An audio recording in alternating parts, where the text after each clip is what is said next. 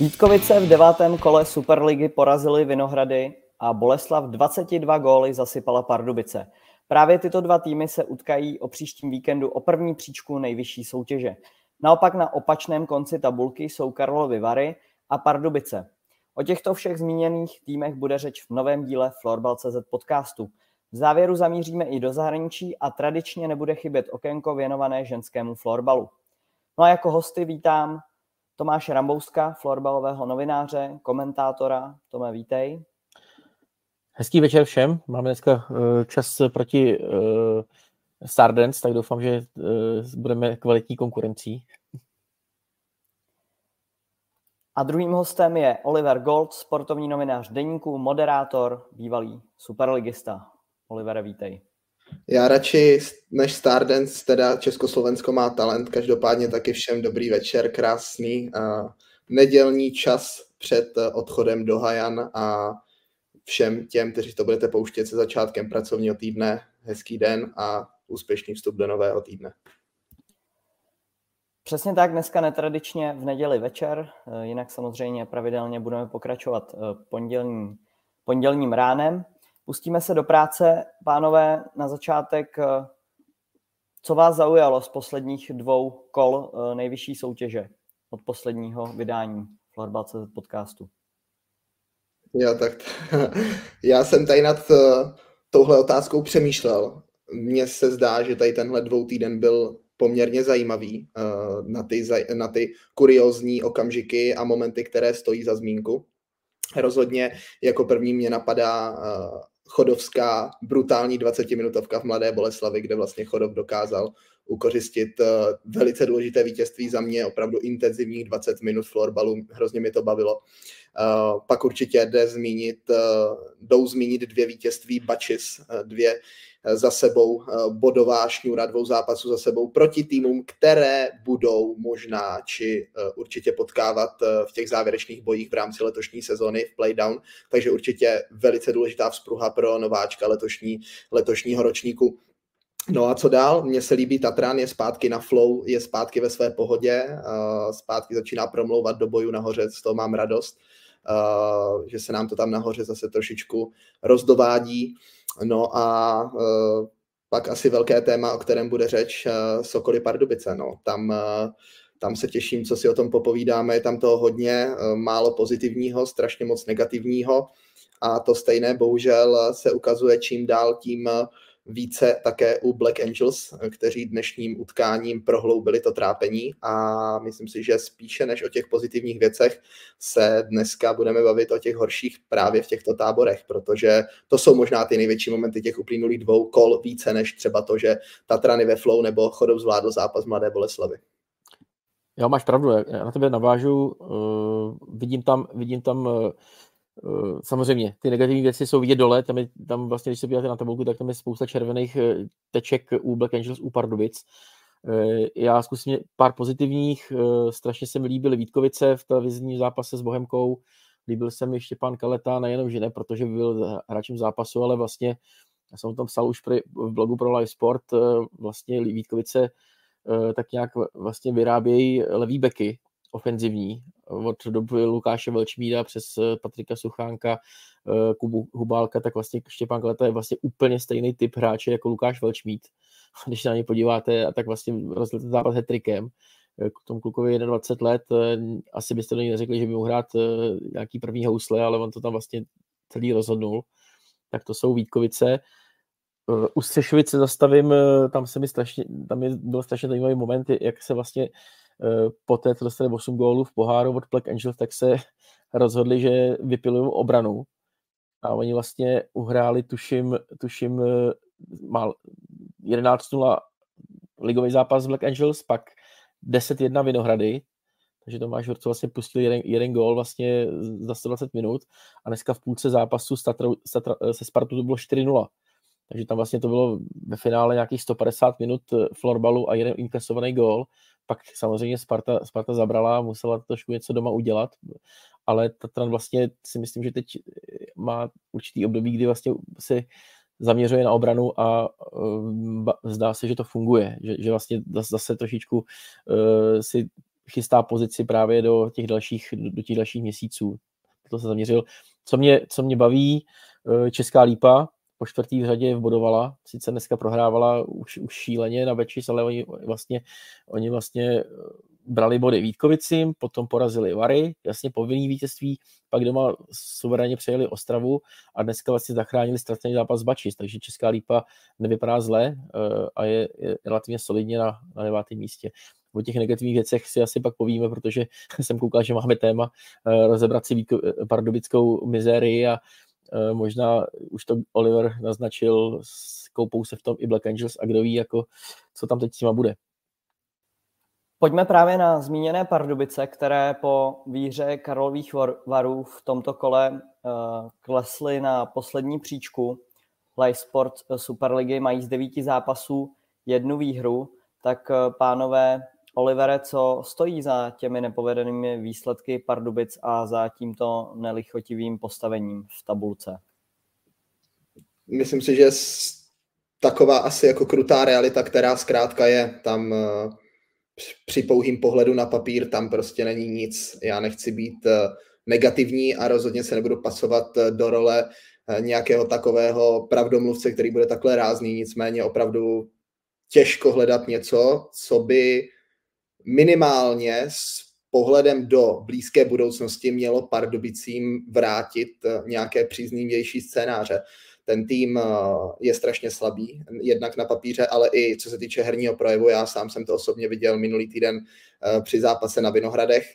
Odešel eh, Adam Schmid, klíčový odchod, ofenzivní lídr, skončili hráči jako Martin Zozulák, Ivo Teichmann, Kuba Burian, ač byli na té domácí florbalové scéně elitou, nebo zkrátka byli důležití jen pro ten klub jako takový, zkrátka v tom týmu hráli důležitou roli. Já si pamatuju, když jsme před dvěma rokama s Vinohradama hráli proti Pardubicím uh, playdown sérii a vím, jak zrovna tito čtyři hráči, které jsem zmínil, byli strašně důležití v té sérii, byli nepříjemní a měli velký vliv na tu celkovou image Pardubic Superlize to všechno odešlo a ten tým eh, není, pojďme si říct upřímně, není vhodně doplněný. Aniž bych chtěl kritizovat vedení Pardubic nebo trenérský štáb nebo kohokoliv, jestli proto měl udělat něco víc. Ten tým je složený ze spousty mladých kluků, kterým samozřejmě všechna čest, jak bojují a snaží se, ale ty zkušenosti uh, zkrátka nejsou na takové úrovni, aby Pardubice dokázali konkurovat. A jediný pozitivní a zatím pozitivní fakt je příchod eh, lotyšského uh, lotyšského šikovného štírka, který samozřejmě jemuž patří dík eh, také našemu kolegovi Kubovi eh, Švejkovskému, nicméně k tomu uh, samotnému Štírkovi z Lotyšska nám asi řekne víc Tom, každopádně tím mu předávám slovo, nicméně abych to zakončil, myslím si, že letos to s Pardubicema vypadá už opravdu kriticky. Tak, jak zvládli každý rok teďka poslední dvě sezóny to zachránit na poslední chvíli, tak letos se bojím, že už ta záchrana bude mnohem, mnohem těžší. No tak Ralf Polish, eh, já ti na to vážu, pro mě to není štírek, pro mě to je zabiják.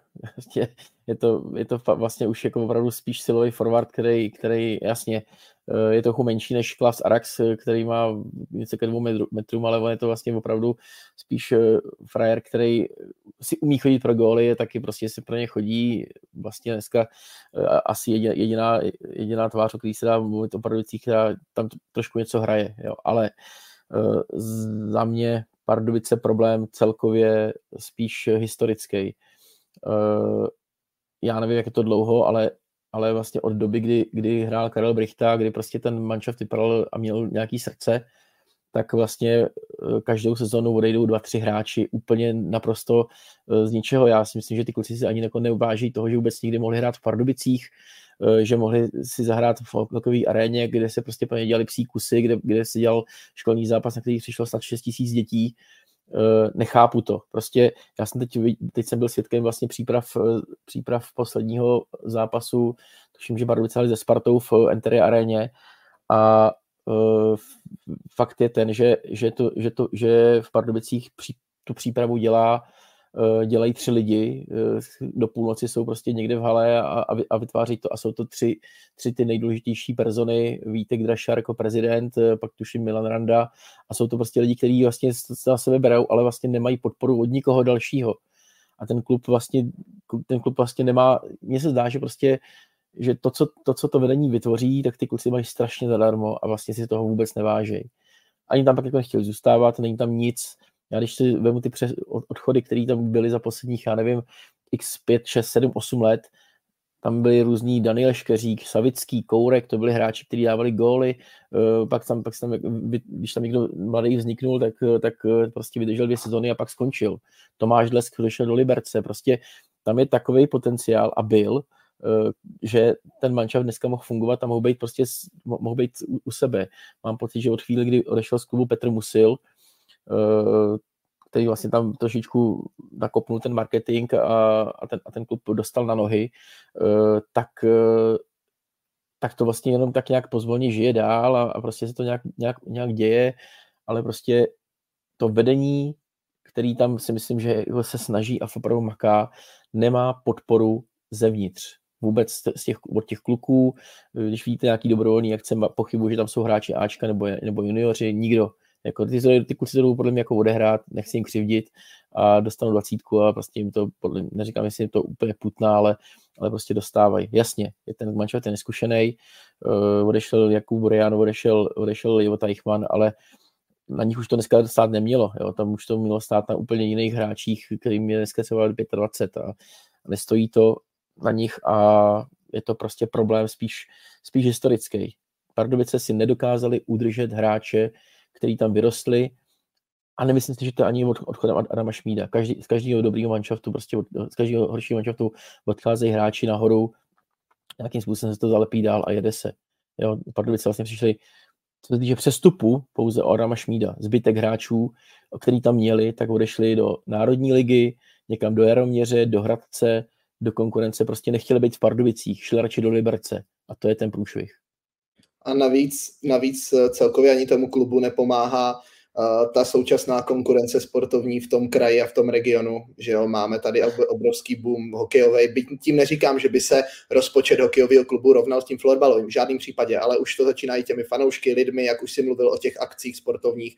Jo, je to obrovská konkurence v rámci hokeje, fotbalový stadion nedávno nově postavený, Pardubice v Lize, výborně teďka hrajou basketbalisti. Jo, takže už jenom to, i ten florbal staví někam, kam to, ale to neříkám, že to je odraz toho, jak si vedou Pardubice v současné sezóně a jestli tam nemělo být víc kluků a nespochybnuju ani to, že to není historický kontext. Jenom to tak všechno do sebe zapadá s tím, že v podstatě i když eh, to je ten dlouhodobější fakt i v těch Pardubicích, že zkrátka ty děti když to začíná o těch nejmenších kategorií, tak asi je otázkou to, co si tady přesně říkal, že je velký otazník, proč, když ten klub ty hráče vychová, nebo proč, když je přivede, tak po dvou letech chodí jinam. Proč chodí do Jaroměře, proč chodí do Hradce Králové, proč chodí si slevit z toho průměru, proč chodí níž, nebo proč odchází do Liberce, Ostravy a tak dále. Lukáš Kučera, další případ FBC, jo, a takhle můžeme pokračovat dál a dál. Jsou to otazníky, nejsem z Pardubic, nežiju tam, nefunguju tam v rámci toho regionu, takže nechci se pouštět do nějakých větších závěrů, ale myslím si, že to, co tady Tom řekl, ty jednotlivé body, tak eh, to k zamyšlení je rozhodně. Tak to, a to ještě navážu. Já jsem teď nedávno poslouchal podcast uh, s Mirkem Janovským. Uh, myslím, že ho dělá Marek Vodke. Docela zajímavý opravdu povídání spíš o historii pardubického takového sportovního prostředí a Marek Míra Janovský tam samozřejmě mluvil o, o florbale, on vlastně to je taková jako spíš ikona pro, pro, pro tamní kraj a byl i na, trenérem národňáků žen. A on tam vlastně teď už je třeba mimo florbal, byl, dělal novináře dřív, dneska je tuším na městě. A on tam řekl jednu zajímavou myšlenku. A říkal, my jsme to v podstatě nějakým způsobem nakopli uh, do nějakého marketingového prostředí, ten, ten klub začal fungovat, vlastně vy, vypadal strašně fajn, je, je, je to vybrandovaný, všechno jo, ale, ale tam byla otázka, pak, jsme si, pak, pak, pak si říkáš, měli by se, měli by se zainvestovat i do A týmu. V tu chvíli, ve chvíli, kdy prostě nějakým způsobem dáš konstrukci A týmu, který prostě bude mít eh, kvalitu na to hrát prostě pravidelně playoff, to znamená, je to o tom přijít tři, tři klíčoví hráče, třeba i zaplatit, eh, tak potom to potom může fungovat i další ten odraz, odraz toho klubu dál. Jo. Teď vlastně Pardubice ztrácejí kredit obrovsky, strašně. A on to, on to předval k pardubickému, k pardubickému basketbalu, který tohle právě udělali. Měli možnost, eh, dostali se prostě do, do nějaké situace, kdy mohli investovat prostě do hráčů a najednou prostě je z nich léta teď už vlastně kvalitní uh, Super League, extraligový tým, NBL hrajou basketbalovou uh, ligu, ale vlastně jsou permanentně vlastně na, nahoře. To znamená, že ten magnet, který oni tam dali jednou, přivedli, já nevím, tuším, tam, nevím, teď, teď, kdo tam konkrétně hrál, ale prostě přivedli reprezentanty, tuším Kříž tam byl, a tak najednou se to odrazilo a ty Pardubice najednou byly adresou, kam chtěli hra, chodit i další hráči. A ty Pardubice tohle to neudělali. Prostě oni si vlastně nechali rozebrat první manšaft, tam bylo 10 hráčů, kteří by dneska mohli hrát první dvě liny, ale jako ne, nemají je. No, takže teď, teď je potřeba, teď je potřeba si říct, co bude dál. Těžký prostě pro Martina Douzeláka, který tam dělá sport management, ale asi bych začal trošičku jinak teď asi stavět tu hru Eh, je potřeba zničit jako tady ty výsledky 20, 15 gólový debakly 22 od Boleslavy a prostě začít hrát obranu a poctivě prostě budovat něco, co ten klub aspoň zachrání v Superlize s, s nějakou vizí do budoucna. Ještě by něco dodal Oliver k tomu, nebo se posuneme dál? Ne, já jenom, prostě asi si někdo má uh, rozumnou mysl a dobrý budget, tak prostě vás do konce prosince vemte někdo toho polise a přiveďte ho, protože tohle je posila do playoff jak prase. Já jsem to říkal klukům na Vinohradech, ať ho přinesou, ale vemte ho kdokoliv. Za mě to je obrovská škoda v Pardubicích, fakt obrovská škoda jeho v Pardubicích. Já bych ho chtěl strašně vidět nějakým nadupaným kádru, ale víme, že to je do času, může někam přestoupit, ale, ale to je výzva. Ne, par, hele, Poliš musí zůstat v Pardubicích, Pardubice se musí sformovat, musí začít hrát prostě defenzivu, Poliš je super hráč prostě do kontrů eh, a on jim tu Superligu může zachránit. Jedině on, doufejme, že převedou dva, tři hráči, kteří to vystužejí, budou trošku se zamířit na obranu a budou prostě hrát eh, florbal, který má potenciál eh, záchrany v Superlize, protože já bych strašně nerad, aby Pardubice o tu Superligu přišli. Tam jako opravdu to, ten, to, jak se dělá florbal v Pardubicích, nemyslím tím sportovně, ale prostě okolo, to znamená, pořád jako tam vchodí lidi na tribuny, pořád to má nějakou, nějakou šťávu, prostě vypadá to dobře, tak Pardubice prostě, já bych strašně rád, aby to tam zůstalo. A Poliš, Poliš to může zachránit. Tak ještě než se budeme věnovat zahraničnímu okénku, tak eh, zamíříme na vrchol tabulky Live Sport eh, Superligy. Já jsem říkal, že se příští víkend eh, utkají Vítkovice z Boleslaví o úplné čelo, ale samozřejmě může do toho promluvit ještě Chodov, který zítra hraje dohrávku devátého kola s Libercem a pak příští víkend hraje na Tatranu, takže vlastně souboj té elitní čtyřky v příštím kole eh, všechny čtyři týmy hrají najednou proti sobě. Co od toho víkendu celkově očekáváte, ať už z pohledu nějaké atraktivity těch zápasů, průběhů zápasů a můžete přidat i svoje typy na to, jak to třeba dopadne, Olivere? Tak eh, už zítřkem to začíná velice zajímavý televizní zápas Chodov Liberec. Liberec, který umí potrápit Chodov, minimálně v posledních dvou, třech letech to dokázal eh, ve více do případech, takže určitě se na tento zápas těším. Eh, věřím, že dokáže Chodov potrápit i tentokrát a nemyslím si, že to bude mít Chodov jednoduchý. Bude to velice vyrovnaný zápas a ten ostatně očekávám také příští sobotu ve Vítkovicích kde si myslím, že to bude remíza. To je můj osobní tip. Každopádně je to určitě jeden z vrcholů té základní části. Vítkovice, Mladá Boleslav, střed nejlepší defenzívy, naopak s tou nejlepší ofenzívou, takže bude rozhodně zajímavý pro florbalový fanoušky sledovat, kdo vyhraje, jestli ta sformovaná, fantasticky vyladěná obrana, doplněná o ty štíty, tak jak tady říkal v úvodu Tom, nebo naopak totální tornádo v podobě uh, elitního útoku uh, ve, ve vedení s Milanem Tomašíkem, který se podle mě zbláznil na začátku letošní sezony. Každopádně jo, tohle bude lákadlo a pak krásná ta třešnička na dortu, ten dezertík v neděli, Tatran Chodov, další pražský derby. Hele, tohle je úžasná pozvánka, úžasná pozvánka, začíná to hezky zítra večer, končí v neděli večer, krásný týdenní úsek zajímavých zápasů a bude nejzajímavější sledovat, kdo bude příští neděli večer na té špici tabulky, kdo to zvládne nejlíp. Já si myslím, že tohle je eh, menu, jako dostat pozvánku na degustační, eh, degustační večírek v kafe Imperial u Zdeňka Polorajcha. Ale já tě doplním, tak jenom, když teda Gustav začal menu, Chodov Liberec, eh, těším se na góly, tam bych chtěl opravdu vidět, aby to, aby to bylo ofenzivní a já myslím, že oba ty, oba ty týmy tuhle filozofii letos vyznávají a mohlo by to být právě díky tomu hezký. nechci úplně jako přes celku 14, 14, 13, to asi ne, ale prostě vidím tam opravdu letos jako takovou tu stahu hrát do ofenzivy uh, z obou stran a trošku pustit, pustit ty, ty, tu úzdu těch, úzdu té obrany, jo. Takže uh, tam se těším, myslím si, že na prosázkaře 15+, plus, ty góly budou padat. Eh, nejsem si, nejsem si úplně přesvědčený, že by měl být Chodov totální favorit, i když asi to tak papírově vypadá. Eh, Liberec letos nevypadá zle a když se mu bude zařit jako držet krok dlouho, tak může určitě, určitě třeba i něco z toho, z toho Chodova odvíst. Eh, B, Boleslav Vítkovice, tam si přeju, aby Vítkovice konečně vytáhli spodní patro tribuny, a aby narvali halu třeba 800 divákama, kdy jindy než teď, když prostě přijede Milan Tomašík, přijede prostě Adam Delong eh, a konečně můžou Patrik Suchánek a budou prostě moci hrát proti svým, jako který jiný zápas by tohle měl přilákat, takže jestli nebude Vítkovicích 700+, plus, tak budu zklamaný, jako ať si Tomáš Krásný říká, co chce, tady ten zápas je její highlight sezony nebo podzimu pro Vítkovice a musí tomu trochu pomoct i nějakou, i nějakou neříkám propagací, ale, ale prostě se trochu vynasnažit. Eh, kdo vyhraje, těžko říct eh, a myslím si, že to ani není úplně podstatný. Eh, spíš se bude asi, ty manželty se asi budou trošku i testovat, protože ty další důležité boje zřejmě budou až na konci sezony. Nemyslím si, že teď se rozhodne o tom, kdo tu ligu vyhraje, nebo bude druhý, třetí, ale myslím si, že spíš se tam tady to vidím troš, trošku víc taktický než zápas Chodov Liberec. Takhle bych to viděl.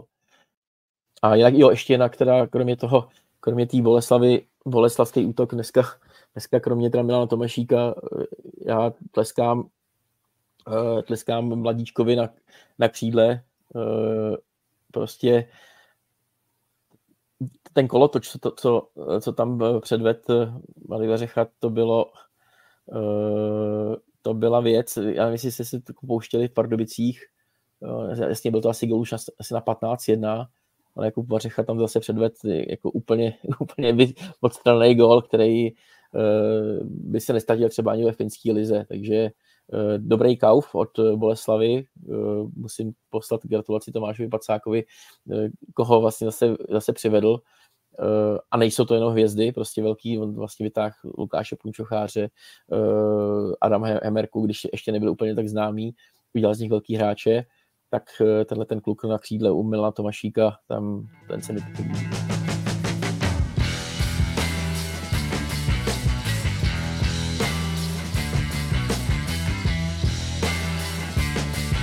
Tak vrhneme se na další téma, a tím jsou čeští florbalisté v zahraničí.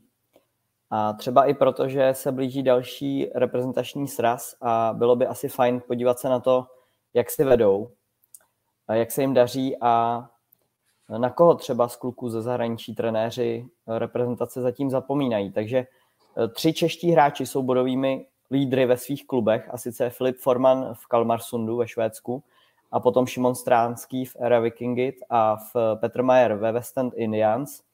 No a právě Petr Mayer je naším dnešním speciálním hostem, kterého tady vítám. Petře, vítej, ahoj. Ahoj, ahoj. Petře, zdraví, koukám, tam vysí žlutý dres za tebou, to je, to je, to je Indians? Jo, jo. jo sušíš z víkendu, jo, z HP. Ne, ne, to je starý dres. Je starý dres. Dobře. Hezký, ale výjá zemí. Petře, tak. v top 10 F ligy a suverénně nejlepší v produktivitě Indians, co tomu říkáš a co zatím je z tvého pohledu? Tak řekl bych, že je zatím nějaká moje aklimatizace tady ve Finsku.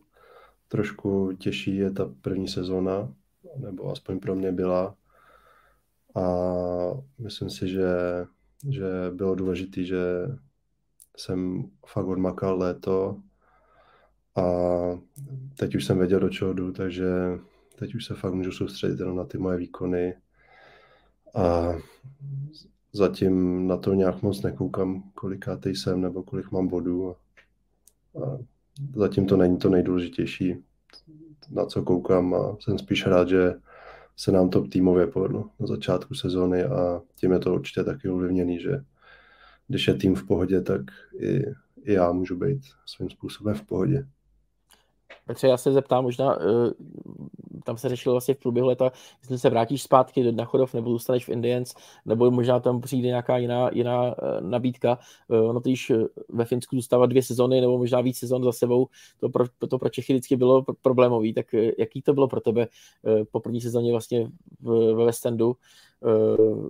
Mezi Indiánama. Věděl jsi, že chceš zůstat dál, nebo, nebo, nebo jaký tam byly vlastně takovýhle ty plány tvoje? Jak se tam rozhodoval? Tak chtěl jsem si dát chvilku, chvilku nějaký čas po sezóně a byl jsem rád, že Indians vlastně mi ten čas dali a nějak jsem si to vyhodnotil, zároveň jsem si to rozhodování zpestřil vlastně v finále tady té kategorie do 22 let. A vlastně nějak, nějak se mi prostě líbila ta myšlenka, že ještě tady jsem mě, můžu dokázat něco, co se mi v té první sezóně nepovedlo a zároveň jsem tady viděl pořád prostor, jak se zlepšovat, takže jsem se rozhodl zůstat a ještě z toho vymlátit všechno, co jde. Já si ještě pamatuju eh, vlastně Indians, když jsme je vysílali na eh, Nova Sportu, vlastně když se dělal vlastně F-Liga, eh, když ty, to, to, to, to jsem ještě nebyl, vybíral se to třeba právě podle toho, když koukal si na Nova Sporta na, na West End, říkal si, to je, to je tým uh, Valtteri Kaimlainen, Arka Stala, tam byl tehdy ještě, tam, by, tam bych šel, nebo co vlastně byla ta motivace jít tam? Tak největší motivace nebo důvod, proč to vlastně nakonec spadlo na Indians, bylo, když tady byl covid před těma třema lety, tak vlastně se stopla Česká liga, takže jsem si vlastně hledal nějaký tým, ve kterým bych mohl hrát a vlastně s Indians jsme se dohodli vlastně tehdy vlastně s Lukášem, Lukášem Punčochářem. Strávil jsem tu nějaký, nějaký měsíc, plus minus. A vlastně mě hrozně nadchlo, jak ten klub funguje a jak se tady pracuje a odvezl jsem si hezké vzpomínky a vlastně jsem trošku doufal, že ten první rok půjdu do známého nebo do známějšího prostředí, než do úplně cizího, ale vlastně jsem zjistil, že to je vlastně úplně jiný než ta juniorská kategorie, ale jsem rád, že, že jsem aspoň věděl, kde, kde je hala, jaký je město a takže, takže proto jsem si asi vybral zrovna Indians. Ve Finsku jsou i další, ano, ano, díky Tome. Eh, ve Finsku jsou i další hráči, když budu jmenovat Stránský Pinčka, Piskáček, Kříž, Hemerka, Hanousek. Potkáváš se s klukama, jak jsou spokojení se sezónou, jaké máš od nich eh, nějaké ohlasy? Tak s klukama z Ery se potkáme někdy, jelikož tady mám to od nich asi nějakých 20 minut vlakem a busem, takže už jsme se párkrát viděli a přiznám se, že když se vidíme, tak moc o florbale nemluvíme, jelikož, jelikož je to tady nějaký jako denní chleba ten stereotyp se snažíme nějak rozbít, takže, takže vlastně ani, ani pořádně nevím, ale myslím si, že myslím si, že je to určitě pro ně těžký, ale, ale myslím si, že se s tím perou dobře a i, i ty jejich výkony určitě nejsou úplně, úplně nejhorší, nebo mají určitě dobrý zápasy a, a ty český kluci se ukazují v té éře a patří mezi ty klíčové hráče, takže to si myslím, že je pro ně dobře a s Martinem Hanouskem jsem se teda viděl úplně poprvé, teď někdy před dvěma týdnama, když jsme hráli u nich, pozdravili jsme se a jsem vlastně rád, že využil ty šance toho tady trošku skepticky přijatého draftu finského, a myslím si, že teď využil tu šanci, nějak se trošku zviditelní a možná to případně využije nějak do budoucna.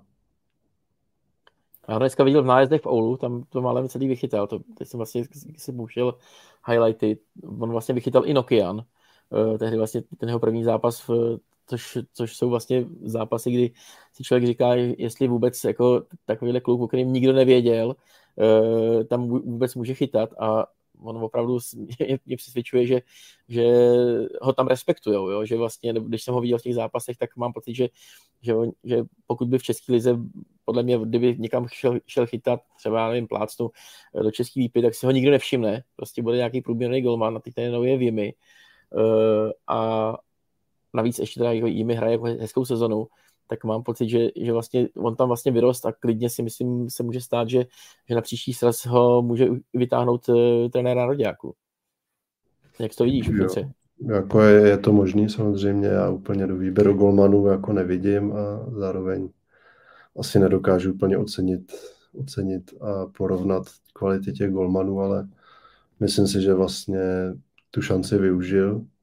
Myslím si, že asi je to jako nejlepší ukázka, jak se jako nástroj dá využít ten finský draft, vzhledem k tomu, že cizinec se tady v podstatě dostane sice v pozici druhého golmana, ale teď, když se jim zranil první golman, tak najednou je jednička v Eflize a myslím si, že pro ně je to samozřejmě super. A nerad bych ještě teda zapomněl na Hemio v klasiku, s tím jsem zatím hrál jednou a jelikož jsme je porazili, tak, tak, to, tak jsme moc neměli přátelský, přátelský pohovor, ale, ale myslím si, že my, se, my jsme se trošku hecovali před zápasem, takže to mělo takový kamarádský nádech, ale s tím si, s tím si píšeme poměrně často, takže, takže, takže jsem rád, že i jemu se daří a hraje v těch, hraje většinou v té první lajně. Ale tam ještě uh, sedíte tam, Petře, Indians a nějaký, nějaká rivalita. Tam vy, jste, vy jste chviličku vedli, vlastně v první zápas jste klasiky tuším strašným způsobem rozstříleli. Uh, to, se, to se stalo jak? Uh, a, a vlastně kolik to vlastně bylo tehdy? To bylo 9-2 nebo? Jestli se nepletu, tak to bylo 9-2 a prostě dobrý zápas, no. Jako to je ten den, kdy se povede úplně všechno a ten první, první hrací den je vždycky jako zrádný, nikdo moc neví, co od koho čekat, takže myslím si, že jsme překvapili a trošku jsme tím i nakopli ten dobrý start a doufám, že na to ještě navážem. Petr zmínil uh, draft Olivere, co ty jsi říkal na ten draft, uh, ty si uváděl tenkrát tiskovku s Hemim právě, tak uh, jak to zpětně hodnotíš a koukáš se i teď na výkony Hemerky? Tak nejprve hezký večer Péťovi, já jsem rád, že ho konečně můžu po deseti minutách ticha pozdravit. Uh, já teda nejdřív Péťo, um, já teda, když jsem se díval na tvoje výkony, tak uh, musím být, nebo musím ocenit uh, práci reprezentace českého florbalu, že ne, neotáleli s nominací, protože myslím si, že kdyby tu nominaci na Represras udělali ve čtvrtek, tak eh, je předběhne ve středu Radim Rulík s nominací na hokejový uh, hry ve Finsku, protože to máš kousek, myslím si, že by ti klidně dali Brusla hokejku, abys to tam zametal s tou naší příšernou hokejovou zakončovací schopností v posledních letech. Nicméně ještě než eh, odpovím na Hemiho, tak se chci zeptat, jak je možný, když Viktorka vyhraje v čtvrtek v Záhřebu, tak dneska dokáže doma prohrát s Karvinou. Hmm, jako na fotbal asi se mě úplně neptej. No. Já, jelikož jsem fanoušek Viktorky a Chelsea, tak momentálně nemám úplně šťastný období, poslední rok třeba, takže, takže já, já jdu do každého zápasu poměrně skeptický, takže, takže mě vlastně nic nepřekvapí. To je dobrý, já kromě Chelsea mám zbrojovku, takže to je úplně v pohodě. Každopádně pojďme k tomu, k tomu draftu, jo. Uh, jak to řekl Peťa tady, uh, on byl skepticky přijatý za mě zbytečně, je to zkrátka florbal jako takový je sportovní fenomén uh, a se, sportovní, se sportovními fenomény se váže to, že zkrátka přichází nové věci. Takže je logický, že někdo do toho stolu prásknout musel, Eh, ať už je to třeba mistrovství světa žen v Singapuru, v neznámé eh, oblasti, to jsou prostě kroky, které v těchto sportech přichází a přicházet budou. Takže samozřejmě, že to někdo může přijmout skepticky, ale pak třeba za 4-5 let, když se vymyslí další projekt, tak tady nad tím projektem budeme přemýšlet s, tím, s těma vzpomínkama, že to byl dobrý krok, který odstartoval zase něco dalšího. Třeba tady brankář Hanousek je příkladem toho, že draft se může ukázat jako zajímavá věc a je toho vlastně důkazem i Hemi, který vlastně v podstatě ve spolupráci se svým tátou i, i s mladou Boleslaví zachytili tu situaci správně. Adam věděl, že to je zajímavá situace, jak představit nejen jeho osobu, zároveň český florbal a zároveň ten finský draft a udělat z toho zajímavě mediálně eh, obsažitelnou věc. Eh, takže mně se to líbilo, ta nabídka s ním spolupracovat mě dávala smysl a myslím si, že i teďka ta vlna, která se spustila s tím jeho přestupem, tak dala vědět o Šimonovi Stránským, eh, Matějovi Peníčkovi i o dalších klucích, kteří za Petrem přišli do Finska. Takže určitě ten projekt hodnotím já kladně to, co se odehrávalo tam, je za mě fajn. Někteří to samozřejmě brali jako komediální vystoupení nebo neskušenou věc nebo špatně zvládnutý, já si to nemyslím. Zkrátka byla to první akce. Eh, sám Adam mě to pak říkal, eh, samozřejmě asi nikdo neočekával, že mu tam bude gratulovat k přestupu do klasiku Adam Ondra, nebo jak se jmenuje ten náš Adam, Vojtěch Adam, ten náš tam velvyslanec ve Finsku, to asi nikdo nečekal. Takže na druhou stranu pojďme si říct, byla to premiérová akce, a za, já to budu hodnotit vždycky, vždycky jenom kladně. Důkazem toho je, jaký Adam zbudil zájem mezi florbalovými fanoušky svým přestupem do Finska, takže nic víc k tomu asi není potřeba. To podepíšu, jako draft, draft F ligy prostě jednoznačně bonus, eh, konečně, konečně jako florbal jako zase udělal něco nového, eh, každý jako musí se dělat psí kusy, aby se o florbalu prostě jako psalo a vůbec začal se vnímat jako větší sport, takže já, já FLZ tleskám za draft, stejně jako jsem rád, že třeba švédská SSL se bude hrát letos finálový zápas prostě v Tele2 aréně prostě pod čirým nebem, tak, tak prostě uh, proč ne, nebo možná se ta střecha zatáhne, ale, ale prostě bude to na fotbalovém stadionu a, a zase to bude něco jiného, bude to halo, jasně, nadáváme, že fotbal jako jede hlavně PR věci a ne, ne, nehraje, nehraje žádnou, nebo netlačí se tolik jako na kvalitu, ale eh, to jde ruku ruce s tím. Florbal prostě o sobě musí nechávat vědět, takže draft jen dobře. Já možná ještě na Peťu. Uh, Petře, uh, dlouhý, dlouhý týdny to, byly, to, to byla třetí lajna, že jo? Indians. A teď uh, jsem koukal, že vlastně už poslední do zápasy už si, už si postoupil vejš, nebo to byl ten poslední, ale už je to druhá lajna. Koukal jsem, že si vlastně pak bodoval i v přesilovkách, takže už si přesvědčil, myslíš, že tam patříš tam, tam do těch horních pater? Hmm, tak já doufám a um, ta třetí lajna, myslím si, že samozřejmě je to jenom na papíře třetí lajna, ale jelikož jsme nějakých těch prvních deset zápasů měli z těch line nejlepší plus minus, tak ty týmy už na nás pomalu začaly dávat ty lepší liney, takže, takže už je jakoby těžko říct, jestli je to třetí lajna, druhá lajna nebo první lajna, těžko říct. Tady, hmm. tady už se ani na to moc nehraje, spíš s ty trenéři pak s tím trošku šafují, s těma lajnama je to takový složitý, takže, takže já doufám, že trenéři, nebo my, vím, že trenéři mi nějak věří a snažím se jim tu důvěru splatit co nejvíc a vytěžit, jak jsem říkal, z toho angažma maximum a pomoct indiánům co nejvíc a samozřejmě samozřejmě když jsem teď přesilovce je výborný, protože je to, je to super, no. Já jenom dodám, možná kdo neví, tak Petr Majer je čtvrtý nejlepší hráč celé F v plus minus bodování. E, nad ním jsou, tuším, jenom Niko Anason, e, teď abych kecal, Justus no, Mikl Axel z, z Okeanu a Elot Loto z TPS, takže ale prostě čtvrtý místo, jako není, není to jenom o že 9 gólů, 11 nahrávek, fajn, eh, absolutně nej, nejproblímější hráč Indians a to je to mančel, kde vlastně hraje Valtteri Kainulainen, prostě relativně jako silný jména, eh, ale fakt, jak teď Petr možná říkal, tak plus 21 bodů v Kanadě, plus minus bodování za 9 kol, to jsou krásné čísla. Gratuluju, ať se daří dál, Peťo. No, já jsem rád, já jsem rád, že tady zmiňuješ tu plus minus, protože já to miluji i v hokeji, je to strašně důležitá statistika. já třeba, když jsem hrál ještě před dvěma rokama na Vinohradech, tak když jsem se podíval po spoustě kolech na své statistiky a viděl jsem třeba minus 13, tak jsem si říkal, ty vole OG, ty si vedeš hodně špatně.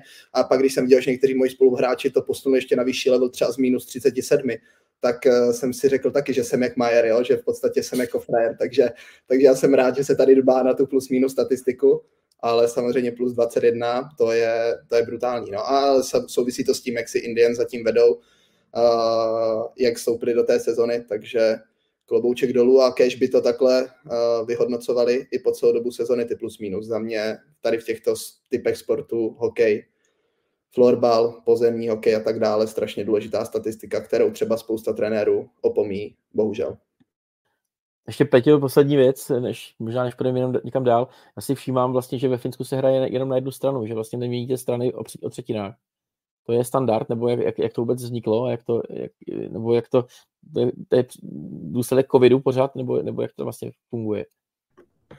No, řekl bych, že to je určitě důsledek covidu. Myslím si, že se tady na, nad tím hlasovalo, jestli to zavést zpátky nebo to takhle nechat a většina se shodla, že, že to takhle má zůstat a mě osobně to teda vyhovuje a zároveň vždycky vedoucí týmu před zápasem posílá nějaký požadavky tomu ostatnímu, tomu druhému týmu, kolik chce židlí třeba, mm. nebo já nevím, jestli chce lavičky.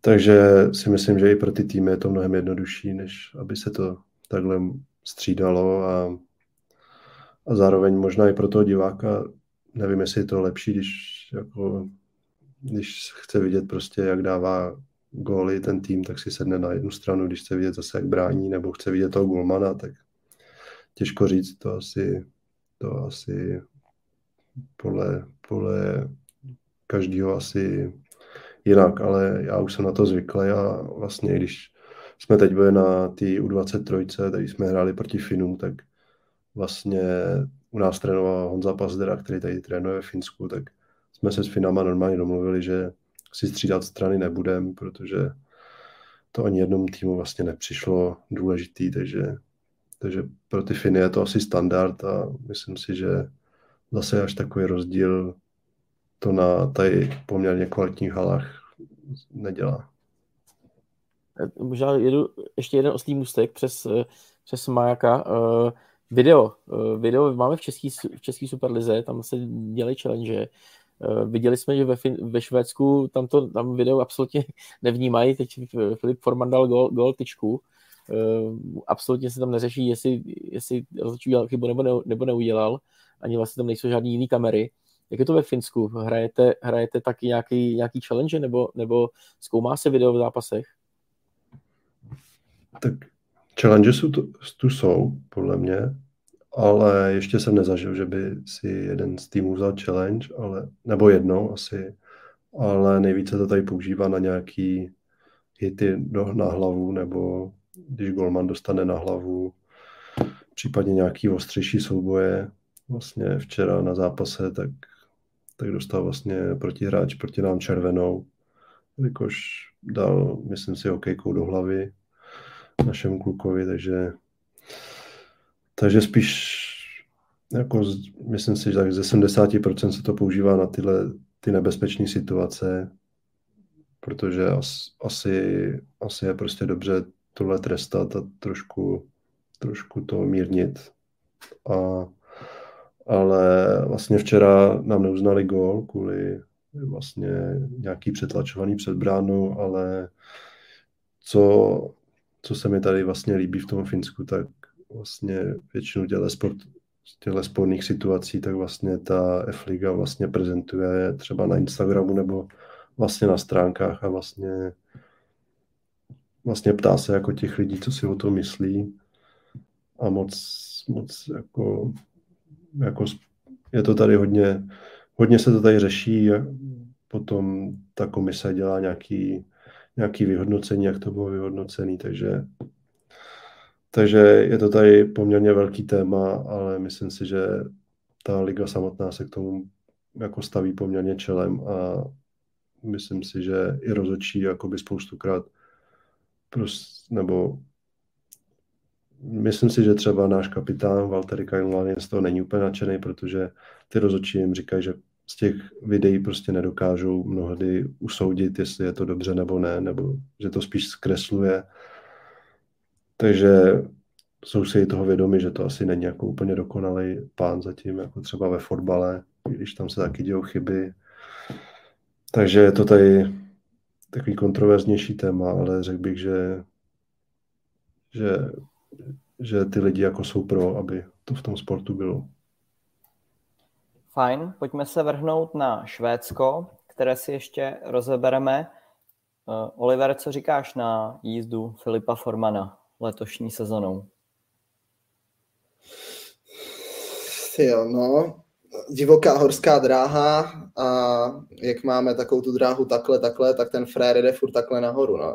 Jako já neuvěřitelný. Já, já jsem jako čekal, že bude eh, velice důležitý klenot pro Kalmar, eh, ale nečekal jsem eh, tuhle bodou smršť a styl, jakým dává góly, vy teďka poslední trefa proti Falunu, jak si v přesilové hře vezme balon na půlce proti vybíhajícímu borcovi, nalepí si ho na tu svoji hokejku a totálně riskantně ten balon vede za sebou, nepustí ho a na, jako ne, neskutečný.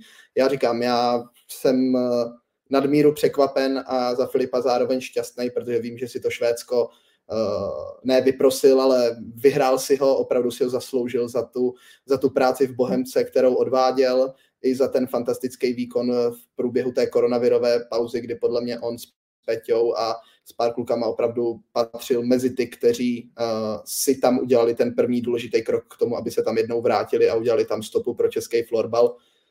Uh, Kalmar mu dává prostor, dává mu do liny spoluhráče, který Filip přesně potřebuje pro to, aby byl produktivní a bodově úspěšný. Eh, Kalmar potom eh, nepříliš úplně našlapaným startu začíná znovu nabíhat, eh, půjde, půjde nahoru a jenom dobře, že uvidíme na té špičce s Falunem a Storvretou. I teďka je tým jako Linköping, což tomu určitě se k němu vyjádří. Milchie jde hezky nahoru, velice se mi líbí, jak je tam poskládaný tým Vechie a teďka i Kalmarsund opět zajímavě nabitá špička, takže určitě super a Filip klobouk dolů. Jen tak dál, Filipe.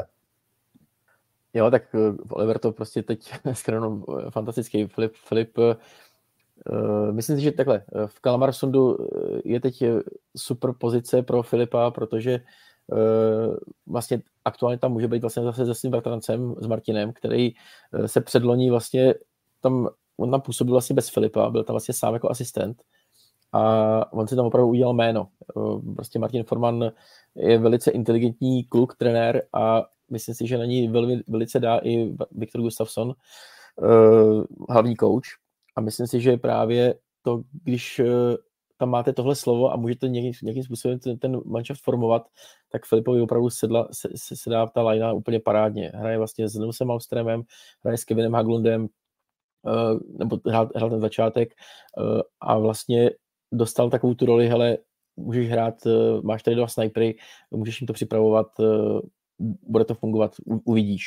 A on si toho opravdu jako dokázal, dokázal toho využít, eh, dostal se do laufu, pak tam samozřejmě byly nějaké ztráty, protože ty kluci byli nemocní, měli nějaké tresty disciplinární a tak dále, ale ve finále, když teď jsem ho vlastně viděl, já teď nevím, před to zápas, komentovali jsme to, ale taky dohrával, Kalmar musel jako na, na Pixbu hráli a Kalmar musel vlastně otáčet. Najednou šel do úplně jiné liny, hrál s, Vit, s Vetrgrenem a taky to fungovalo. Prostě najednou je vidět, že on, že se mu věří, že ho nikdo nepeskuje, že třeba chvilku víc před, předržuje balón, ale hraje a prostě boduje. A to je to podstatný. Když tam se bavil loni Filip Langer, já si myslím, že eh, z Filipa Langera už loni udělali v Kalmarsundu defenzivního centra, který má na starosti spíše to, aby se ty goly nedostávaly. A když to teď teda srovnám, uh, Filip Langer přešel do Storvety a ve finále tam tu roli vlastně dostal stejnou. Může, může hrát v ofenzivní lajně, může hrát s Filipem Eriksonem, na druhé straně Otto Weidman, ale on je ten, který jim kreje záda a proto tam čí, čísla nebudou. Trošku, trošku si myslím, že ho zaškatulkovali v tom Kalmarsundu uh, tady tím způsobem, jasně rozehrával, ale vlastně spíš, spíš prostě čistil, čistil ten, tu defenzivu a ve Storvetě to Filip Langer má těžký v tom, že opravdu ve Storletě def, jsou centři defenzivní. Ať už je to Niklas Winrod, eh, který hraje vlastně pod eh, Ulriksonem s Gabrielem Kohonenem, tak vlastně to jsou centři, tam prostě nebudujou, tam budujou křídla. máš, jsi křídlo, můžeš hrát a prostě dělej si, co chceš. Eh, centr většinou prostě upozaděný bodově, takže nemyslím si, že Filip Langer bude mít ve Storletě takovou sezonu, jako by, jako by jsme třeba čekali bodově. Naopak Filip Forman v Kalmarsuntu poletí prostě, protože ten má volnost a prostě říkají mu hraj, jak, jak, jak je libo. K tomu tady můžu využít právě otázku od jednoho z diváků Kuby Nováka. Co říkáte na to, že Filip Langer příliš neboduje, na to, že hraje v elitním útoku a na přeslovce, respektive myslíte, že mu Sorverta sedí více než Kalmar, tak to máš teď na to částečně odpovídal, ještě byste to nějak doplnili, hoši? A to možná doplně, ještě, ještě teda, pravda, jasně, Filip Forman, eh, teda Filip Langer je na přesilovce, eh, tam, tam eh, taky není to zrovna ten, ten člověk, na který, se, na který se hraje, hraje se spíš na levou stranu, pokud někdo zakončuje, tak je to Filip Eriksson z levé strany, ale on je členem té přeslovové formace stejně jako Ondra Němeček, tam jako je skvělý, že vlastně lídr švédský SSL má prostě přeslovku tvořenou dvouma Čechama, fantazie, ale Filip Langer je spíš prostě takový ten jakoby opravdu člověk, který se přizpůsobí. Jo? Jako když mu to řeknete, tak on prostě bude hrát a vlastně úplně nepotřebuje bodovat. Jo? Ale po, na tom place je, je, je platný, to, to, to, musím říct. že a na to jsem se odpověděl. Storvet tam, myslím, sedí víc než Kalmarsund, kde se spíš od něj čekalo něco, a že, že něco předvede.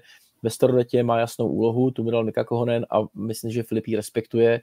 Jasně, taky bude chtít dávat góly, viděl jsem ho dát góly do prázdní brány, měl z toho prostě radost, ale opravdu on tam není od toho, aby, aby prostě rozhodoval zápasy, tam je, tam je dalších pět jiných. Mě spíš zajímá třeba pohled Peti uh, jako levýho křídla, tak uh, kdybys měl v takovýmhle týmu, a můžeme říct právě klidně Indians na podobné úrovni, tak uh, kdyby ti tam postavili na centra Filipa Formana nebo Filipa Langra, tak ty vzhledem k tomu, co máš ve své herní filozofii, tak seděl by ti víc ten defenzivní styl Filipa Langra, který by tam byl zkrátka od toho, aby ti ty balonky vybojoval, ubránil a ty jsi měl tu svobodu, nebo naopak tam mít eh, Luna Park, eh, Espu u Helsinek a eh, za pochodu Filipa, Filipa Formana. No, tak záleží samozřejmě, ideální by bylo, kdybych je tam měl oba, ale, ale asi záleží na soupeři, no, to se asi nedá říct takhle obecně, ale myslím si, že oba, oba jsou super hráči a hrozně jim přeju, jak se jim daří teď. Myslím si, že formy, od formy byly velké očekávání. A jsem hrozně rád, že to ustál formy. A hraje skvěle, takže já jsem hrozně za něj rád. A Laníš s Oňou, myslím si, že od nich taky byly obrovské očekávání a myslím si, že, že Laníš moc neboduje, asi není úplně asi úplně jako není směrodatný, jelikož si myslím, že Laníš prostě to na těch bodech postavený nemá a určitě si myslím, že on je dost poctivý a ten, ty výkony si analyzuje natolik, aby asi dokázal posoudit, jestli hraje dobře nebo ne. A a myslím si, že, je, že pokud jsou tam nějaké nedostatky, jak určitě na nich pracuje a myslím si, že myslím si, že do playoff bude vyladěný a bude ještě větší, víc klíčový hráč a třeba bude, bude jako obrovský důležitý v tom playoff. Na tom doplním Majáka, teď se řekl asi, nebo myslím si, že, že tady padlo, Storvreta má absolutně nejlepší obranu celý SSL. Ona nehraje vlastně úplně žádný punk florbal. Jo. Ten punk hraje Kalmar spíš, Storvreta hraje naprosto uh, spíš takový takovou konstrukci toho nedělat chyby, nedělá je chyby, nedělá ty chyby a když se podíváte na inkasovaný góly, prostě na čem on to staví poslední zápas s Karlstadem 5-0, to je soupeř, který by třeba Kalmarsun dal 12-3, chtěl by hrát prostě, dát, prostě 12 gólů, dal by je, Storeta tý stačí 5-0 a prostě má, má splněno. Na Mulche se půl, půl zápasu nehrálo, protože Storeta si řekla, že, že, že, že nenechá domácí hrát a ve finále otočila z 3-1, tuším na 3-7, úplně suverénně, prostě druhá půl zápasu 6-0. Takže opravdu Storveta uh, asi nebudou gólový hody aktuálně a, a ale musí nás těšit, že tam prostě Ondra Němeček hraje první lineu a Filip Langer druhou. Maxima a oba navíc hrajou potom přesilovku, takže super. Pojďme ještě se pobavit eh, o Linköpingu. Tome míří do top eh, čtyřky? No Marek Karlsson to říká. To je vlastně jeden z těch, těch, těch, těch signifikantních hráčů Chepingu, frajer, který má skoro 190 forward, útočník a ten, ten, ten, ten, ten je v Linköpingu už nějaký 10 let a když jsem se teď s ním čet nějaký rozhovor, tak ho říká, letos máme tým, který může hrát a bude hrát top 4. A opravdu je to tak, že, že, že Linköping těží z toho, že vlastně se příliš nezměnil, naopak zůstali vlastně skoro všichni klíčoví hráči. A naopak přišel ještě Leo Hagström, což je golman, uh, aktuálně povolaný do národního týmu. A Linköping hraje Navíc prostě těží z toho, že Matěj Jindřišák se uzdravil, dávno už hraje bez ortézy, je úplně zase takový Matěj, jaký jsme znali.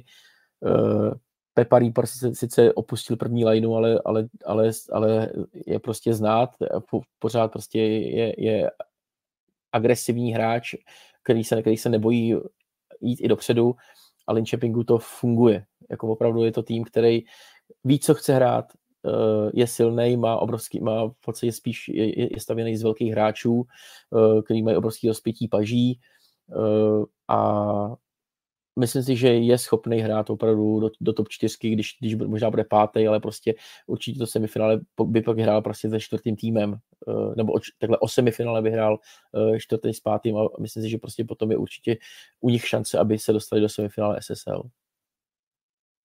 Olivere, něco bys dodal k Linköpingu? Green Shoppingu asi ne, tam to Tom řekl hezky. Uh, já si jenom uh, s Linköpingem spojená jedna věc teďka.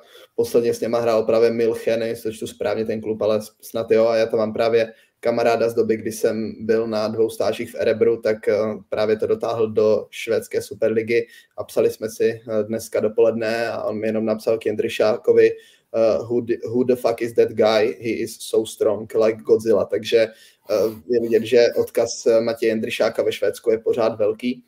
A závěrem, jenom když teďka taky tak poslouchám, že jsme přesedlali nahoru do Skandinávie, tak já mám s výhledem do této sezony dvě přání. Jedno je eh, finále, superfinále švédské mezi Kalmarem a Storvretou, Filipové proti sobě. Uh, viděl jsem, že teďka rozdělili taky úspěšný podcast, takže uh, taky jim fandíme a samozřejmě bylo by to hezké vyústění. No a pak samozřejmě Finsko, finále, uh, superfinále, nebo pardon, finále mezi klasikem a Western Indians, jak si to tam Hemerka rozdá s Majerem, to se, to se taky určitě jen tak neokouká, takže tohle jsou moje přání, tužby a doufáme, že budou naplněny. A pak samozřejmě mužské superfinále ve florbale a tam ideálně finálový souboj mezi Tatranem Střešovice a Sokolem Královské Vinohrady. Přesně tak, Petře, ještě se tě zeptám na závěr, jak sleduješ eh, Superligu a co říkáš na výkony Chodova, který se eh, dostal vlastně do té vrchní části. Hmm, tak sleduju jen tak po očku. Moc zápasů jsem letošní sezonu neviděl, takže těžko říct, ale jsem rád za ty kluky na Chorově, za kterými jsem to hodně prožil, takže jsem rád, že třeba Markovi Vávrovi nebo Jirkovi Bauerovi, Tomovi Ondroškovi se daří a myslím si, že myslím si, že je to prostě dobře, že jsou zase zpátky nahoře, protože protože čím víc téhle, takhle silných klubů tam bude, tak tím ta liga je zajímavější a myslím si, že letos, letos je to prostě bomba, jak je to vyrovnaný. Takže, takže škoda, že toho moc nestíhám, ale na live sportu to vypadá dobře. Jako. Mají, mají, tam... sorry, mají, sorry. Votavu, mají Votavu, Majera už nepotřebují. Přesně. Eh, jenom Petře, možná poslední otázka ode mě. Eh, co říkají Finové na Českou ligu? Sledují nebo ptají se tě, eh, jestli tam jsou ještě nějaký další zajímaví hráči, kteří by mohli jít do Finska, nebo zajímá, jak hraje Tatran Boleslav a tak dále. Koučuje tam dělá Sláva třeba. Je ta liga prostě téma třeba pro, pro Finy? Tak, tak hodně, hodně, hodně tady je řešený ten Jonas, že tam šel do té bolky. Spoustu lidí to překvapilo a myslím si, že myslím si, že oni to vnímají jako dobře, že, že ty Finové tam jdou, jelikož samozřejmě všichni, všichni chodí do toho Švýcarska, ale myslím si, že ta generace, ze kterým teď hraju, myslím si tak 98 a mladší, tak hodně, hodně jsou odkojený tím turnajem Prague Games, takže myslím si, že mají super vzpomínky na Prahu, takže spoustu kluků mi tady povídá, že by určitě bylo super bydlet v Praze a že by si chtěli zkusit tu extraligu, takže za mě, za mě to jako by to bylo super. A, a myslím si, že povědomí větší bylo asi minulou sezonu, jelikož kluci tady hodně jezdili ty uh, zdarma sestřihy na tom YouTube. Teď už nevím, jestli tam jsou, nebo už je jich tam míň. Takže, takže měli jako velký, velký, velký jako povědomí a samozřejmě nejvíce jim líbí hráči se složitým příjmením českým, takže nejlepší Ondrušek nebo Zozulák třeba. Díky moc.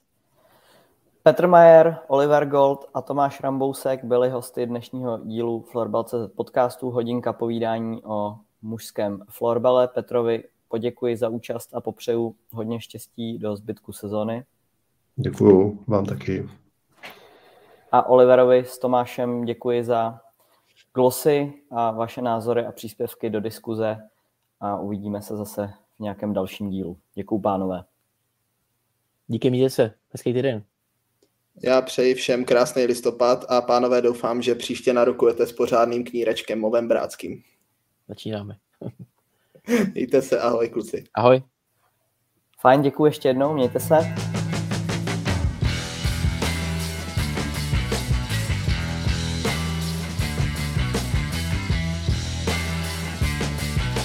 A já jsem rád, že můžu i v dnešním díle přivítat Michala Danhofra, experta Florbal.cz na ženský florbal. Michale, vítej. Pěkný večer a nejen všem fanouškům ženského florbalu, ale florbalu obecně. A mám na tebe hned první otázku, která se týká české ženské reprezentace. Co ukázal závěrečný turnaj Euro Florbal Tour a jaká bude podle tebe nominace na světový šampionát, který se nezadržitelně blíží? Tak já začnu odzadu. Já si myslím, že nominace na světový šampionát bude docela podobná, ne v podstatě totožná s tím posledním turnajem EFT. Předpokládám teda, že to zranění Vanessy Rebeky Kepertové se nakonec povede nějakým způsobem uhrát na to, aby v Singapuru mohla nastoupit, pokud ne, tak teda by to asi byla jedna změna a jinak nepředpokládám, že, ne, nepředpokládám, že tam dojde k nějakým zásadním změnám. Myslím si, že v podstatě oproti tomu turnaji v Ústí nad Labem se ta soutěž vyselektovala, nebo pardon, soutěž, se ta soupiska vyselektovala vlastně sama tím, že dvojčata Korbelářovi opustili Tatran, tam si myslím, že v konečném důsledku asi pro ně bude, bude fatální z pohledu té nominace s tím, že tím, že vlastně neprošli tou, neprošli tou, uh, tou třetí fázi toho tréninku. No a uh, myslím si, že i v obraně vlastně uh, tam si myslím, že se asi rozhoduje mezi Kristýnou Lechnerovou a Marketou Lenfordovou, a vzhledem tomu, že na tom finálním turnaji byla Kristýna Lechnerová, tak uh, bych předpokládal, že, že bude i v té konečné nominaci, takže neočekávám tam jako nějaké zásadní dramatické změny. A co ukázal ten turnaj, no tak uh, samozřejmě asi na první dobrou to nevyznělo úplně dobře. Uh, tři, tři zápasy, tři porážky. Navíc se tam nějakým způsobem testoval nějaký nový systém. Uh, na první dobrou asi člověka napadne, že se možná trošku rozbíjí něco, co fungovalo v tom Musiadlovém, protože tam ty výkony byly kvalitní. Uh, já si myslím, že ten systém tomu českému týmu asi úplně nesedl, nebo respektive určitě to byla taková trošku underperformance z toho, z toho jejich pohledu. A prostě bylo vidět, že ty týmy, všechny tři týmy v určitých částech a poměrně zásadních částech toho zápasu jsou jsou uh, jako lepší než, než ten český tým. A uvidíme, no, jakoby uh, bude určitě zajímavé se třeba někdy před turnajem zeptat Lukáše Procházky, o čem ten systém vlastně byl a co bylo cílem, ale samozřejmě ten, ten uh, zájem nebo jakoby ten, ten dojem z toho není úplně asi nejlepší. No a co se, co se týče, co se týče uh, toho dalšího, těch dalších týmů, tak Švýcarky potvrdili tu moji teorii, že zase půjdou, zase půjdou obrovsky nahoru a myslím si, že to bude hodně zajímavé utkání s Finskem ve skupině. A o to vlastně české semifinále nebo semifinále s Českem. No a myslím si, že za mě si myslím, že se zase potvrdilo, že tak trošku černým uh, koněm toho turnaje může být Finky. Teď se vrátíme zpátky k eh, extralize, že? Nebo zpátky do Česka se vrátíme. A ve scénáři jsme si tady napsali zápasy Třinec Chodov a Olomouc Bohemians. Tak co bys mi k ním řekl více? Tak eh, odehrálo se takové to úvodní kolo po reprezentačním víkendu. A vlastně další týden v pondělí za 8 dnů nás čeká televizní utkání Ostravské derby z ČPP Areny ale jakoby každopádně, uh, každopádně těm dvěma zápasům musím pochválit Třinec za, za ten přístup, za, za to, jakým způsobem vlastně hráli s Chodovem a myslím si, že ukázali, že můžou být, můžou být jako zajímavým soupeřem. Myslím si, že částečně už se jim to povedlo i právě proti FBC Ostrava před tou reprezentační přestávkou, ale každopádně bych je, bych je chtěl pochválit za ten, za ten výkon. A co se týče Olomouce, tak Olomouc eh, dneska, dneska porazila Bulldogs Brno 6-4 a eh, to, co si myslím, je to, že eh, Olomouc se může zapojit do toho souboje o čtvrté místo.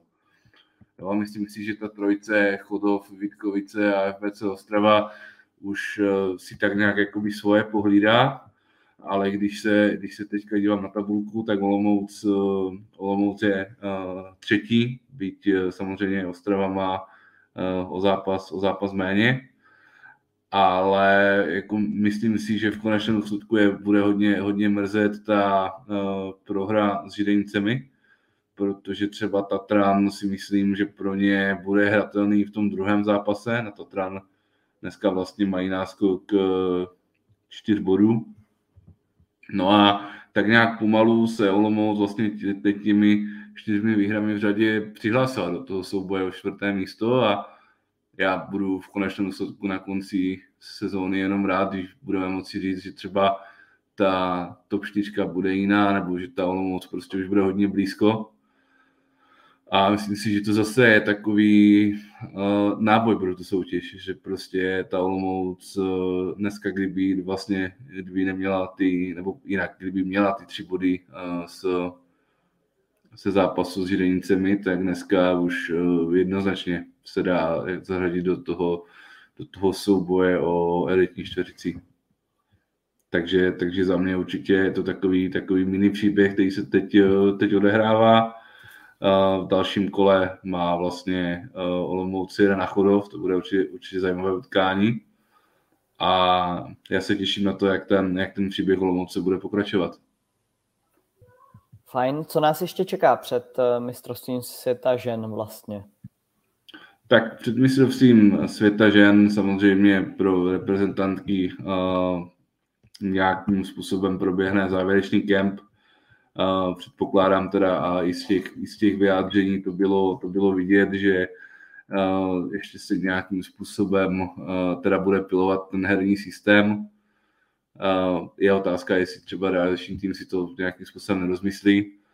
A jinak, uh, jak už jsem naznačil, asi takový prime toho bude to televizní utkání, ve kterém by se teda měla oznamovat zase i, i nominace na ten světový šampionát vlastně 6.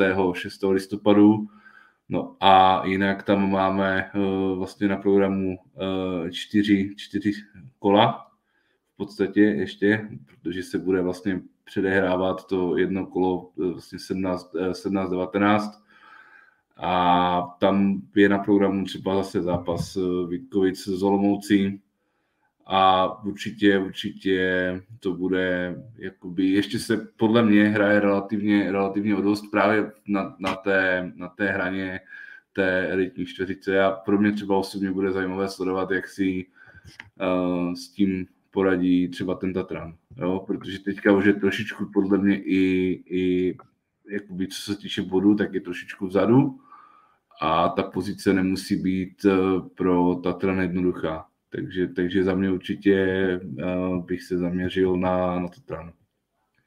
Fajn, to byl Michal Danhofer ve druhé části dnešního dílu Florbal.cz podcastu, která byla věnovaná ženskému florbalu. Michale, děkuji za tvůj příspěvek dnešní. Já taky děkuji a těším se na brzkou skladanou a myslím si, že můžeme prozradit, že já mám v hlavě ještě speciální podcast o mistrovství světa žen, ať už před turnajem nebo během turnaje, tak možná kdyby k tomu diváci měli nějaký komentář nebo nápad, tak to určitě uvítám. Určitě posílejte nám klidně zprávy na sociální sítě nebo komentáře. No a s dalším dílem Florbelce podcastu tady budeme zase za 14 dní. Michalovi ještě jednou děkuji a všem ostatním děkuji za pozornost a u dalšího dílu naslyšenou, naviděnou. Všechny díly Floor 20 podcastu najdete na Spotify, na SoundCloud a na Apple podcastech. Mějte se.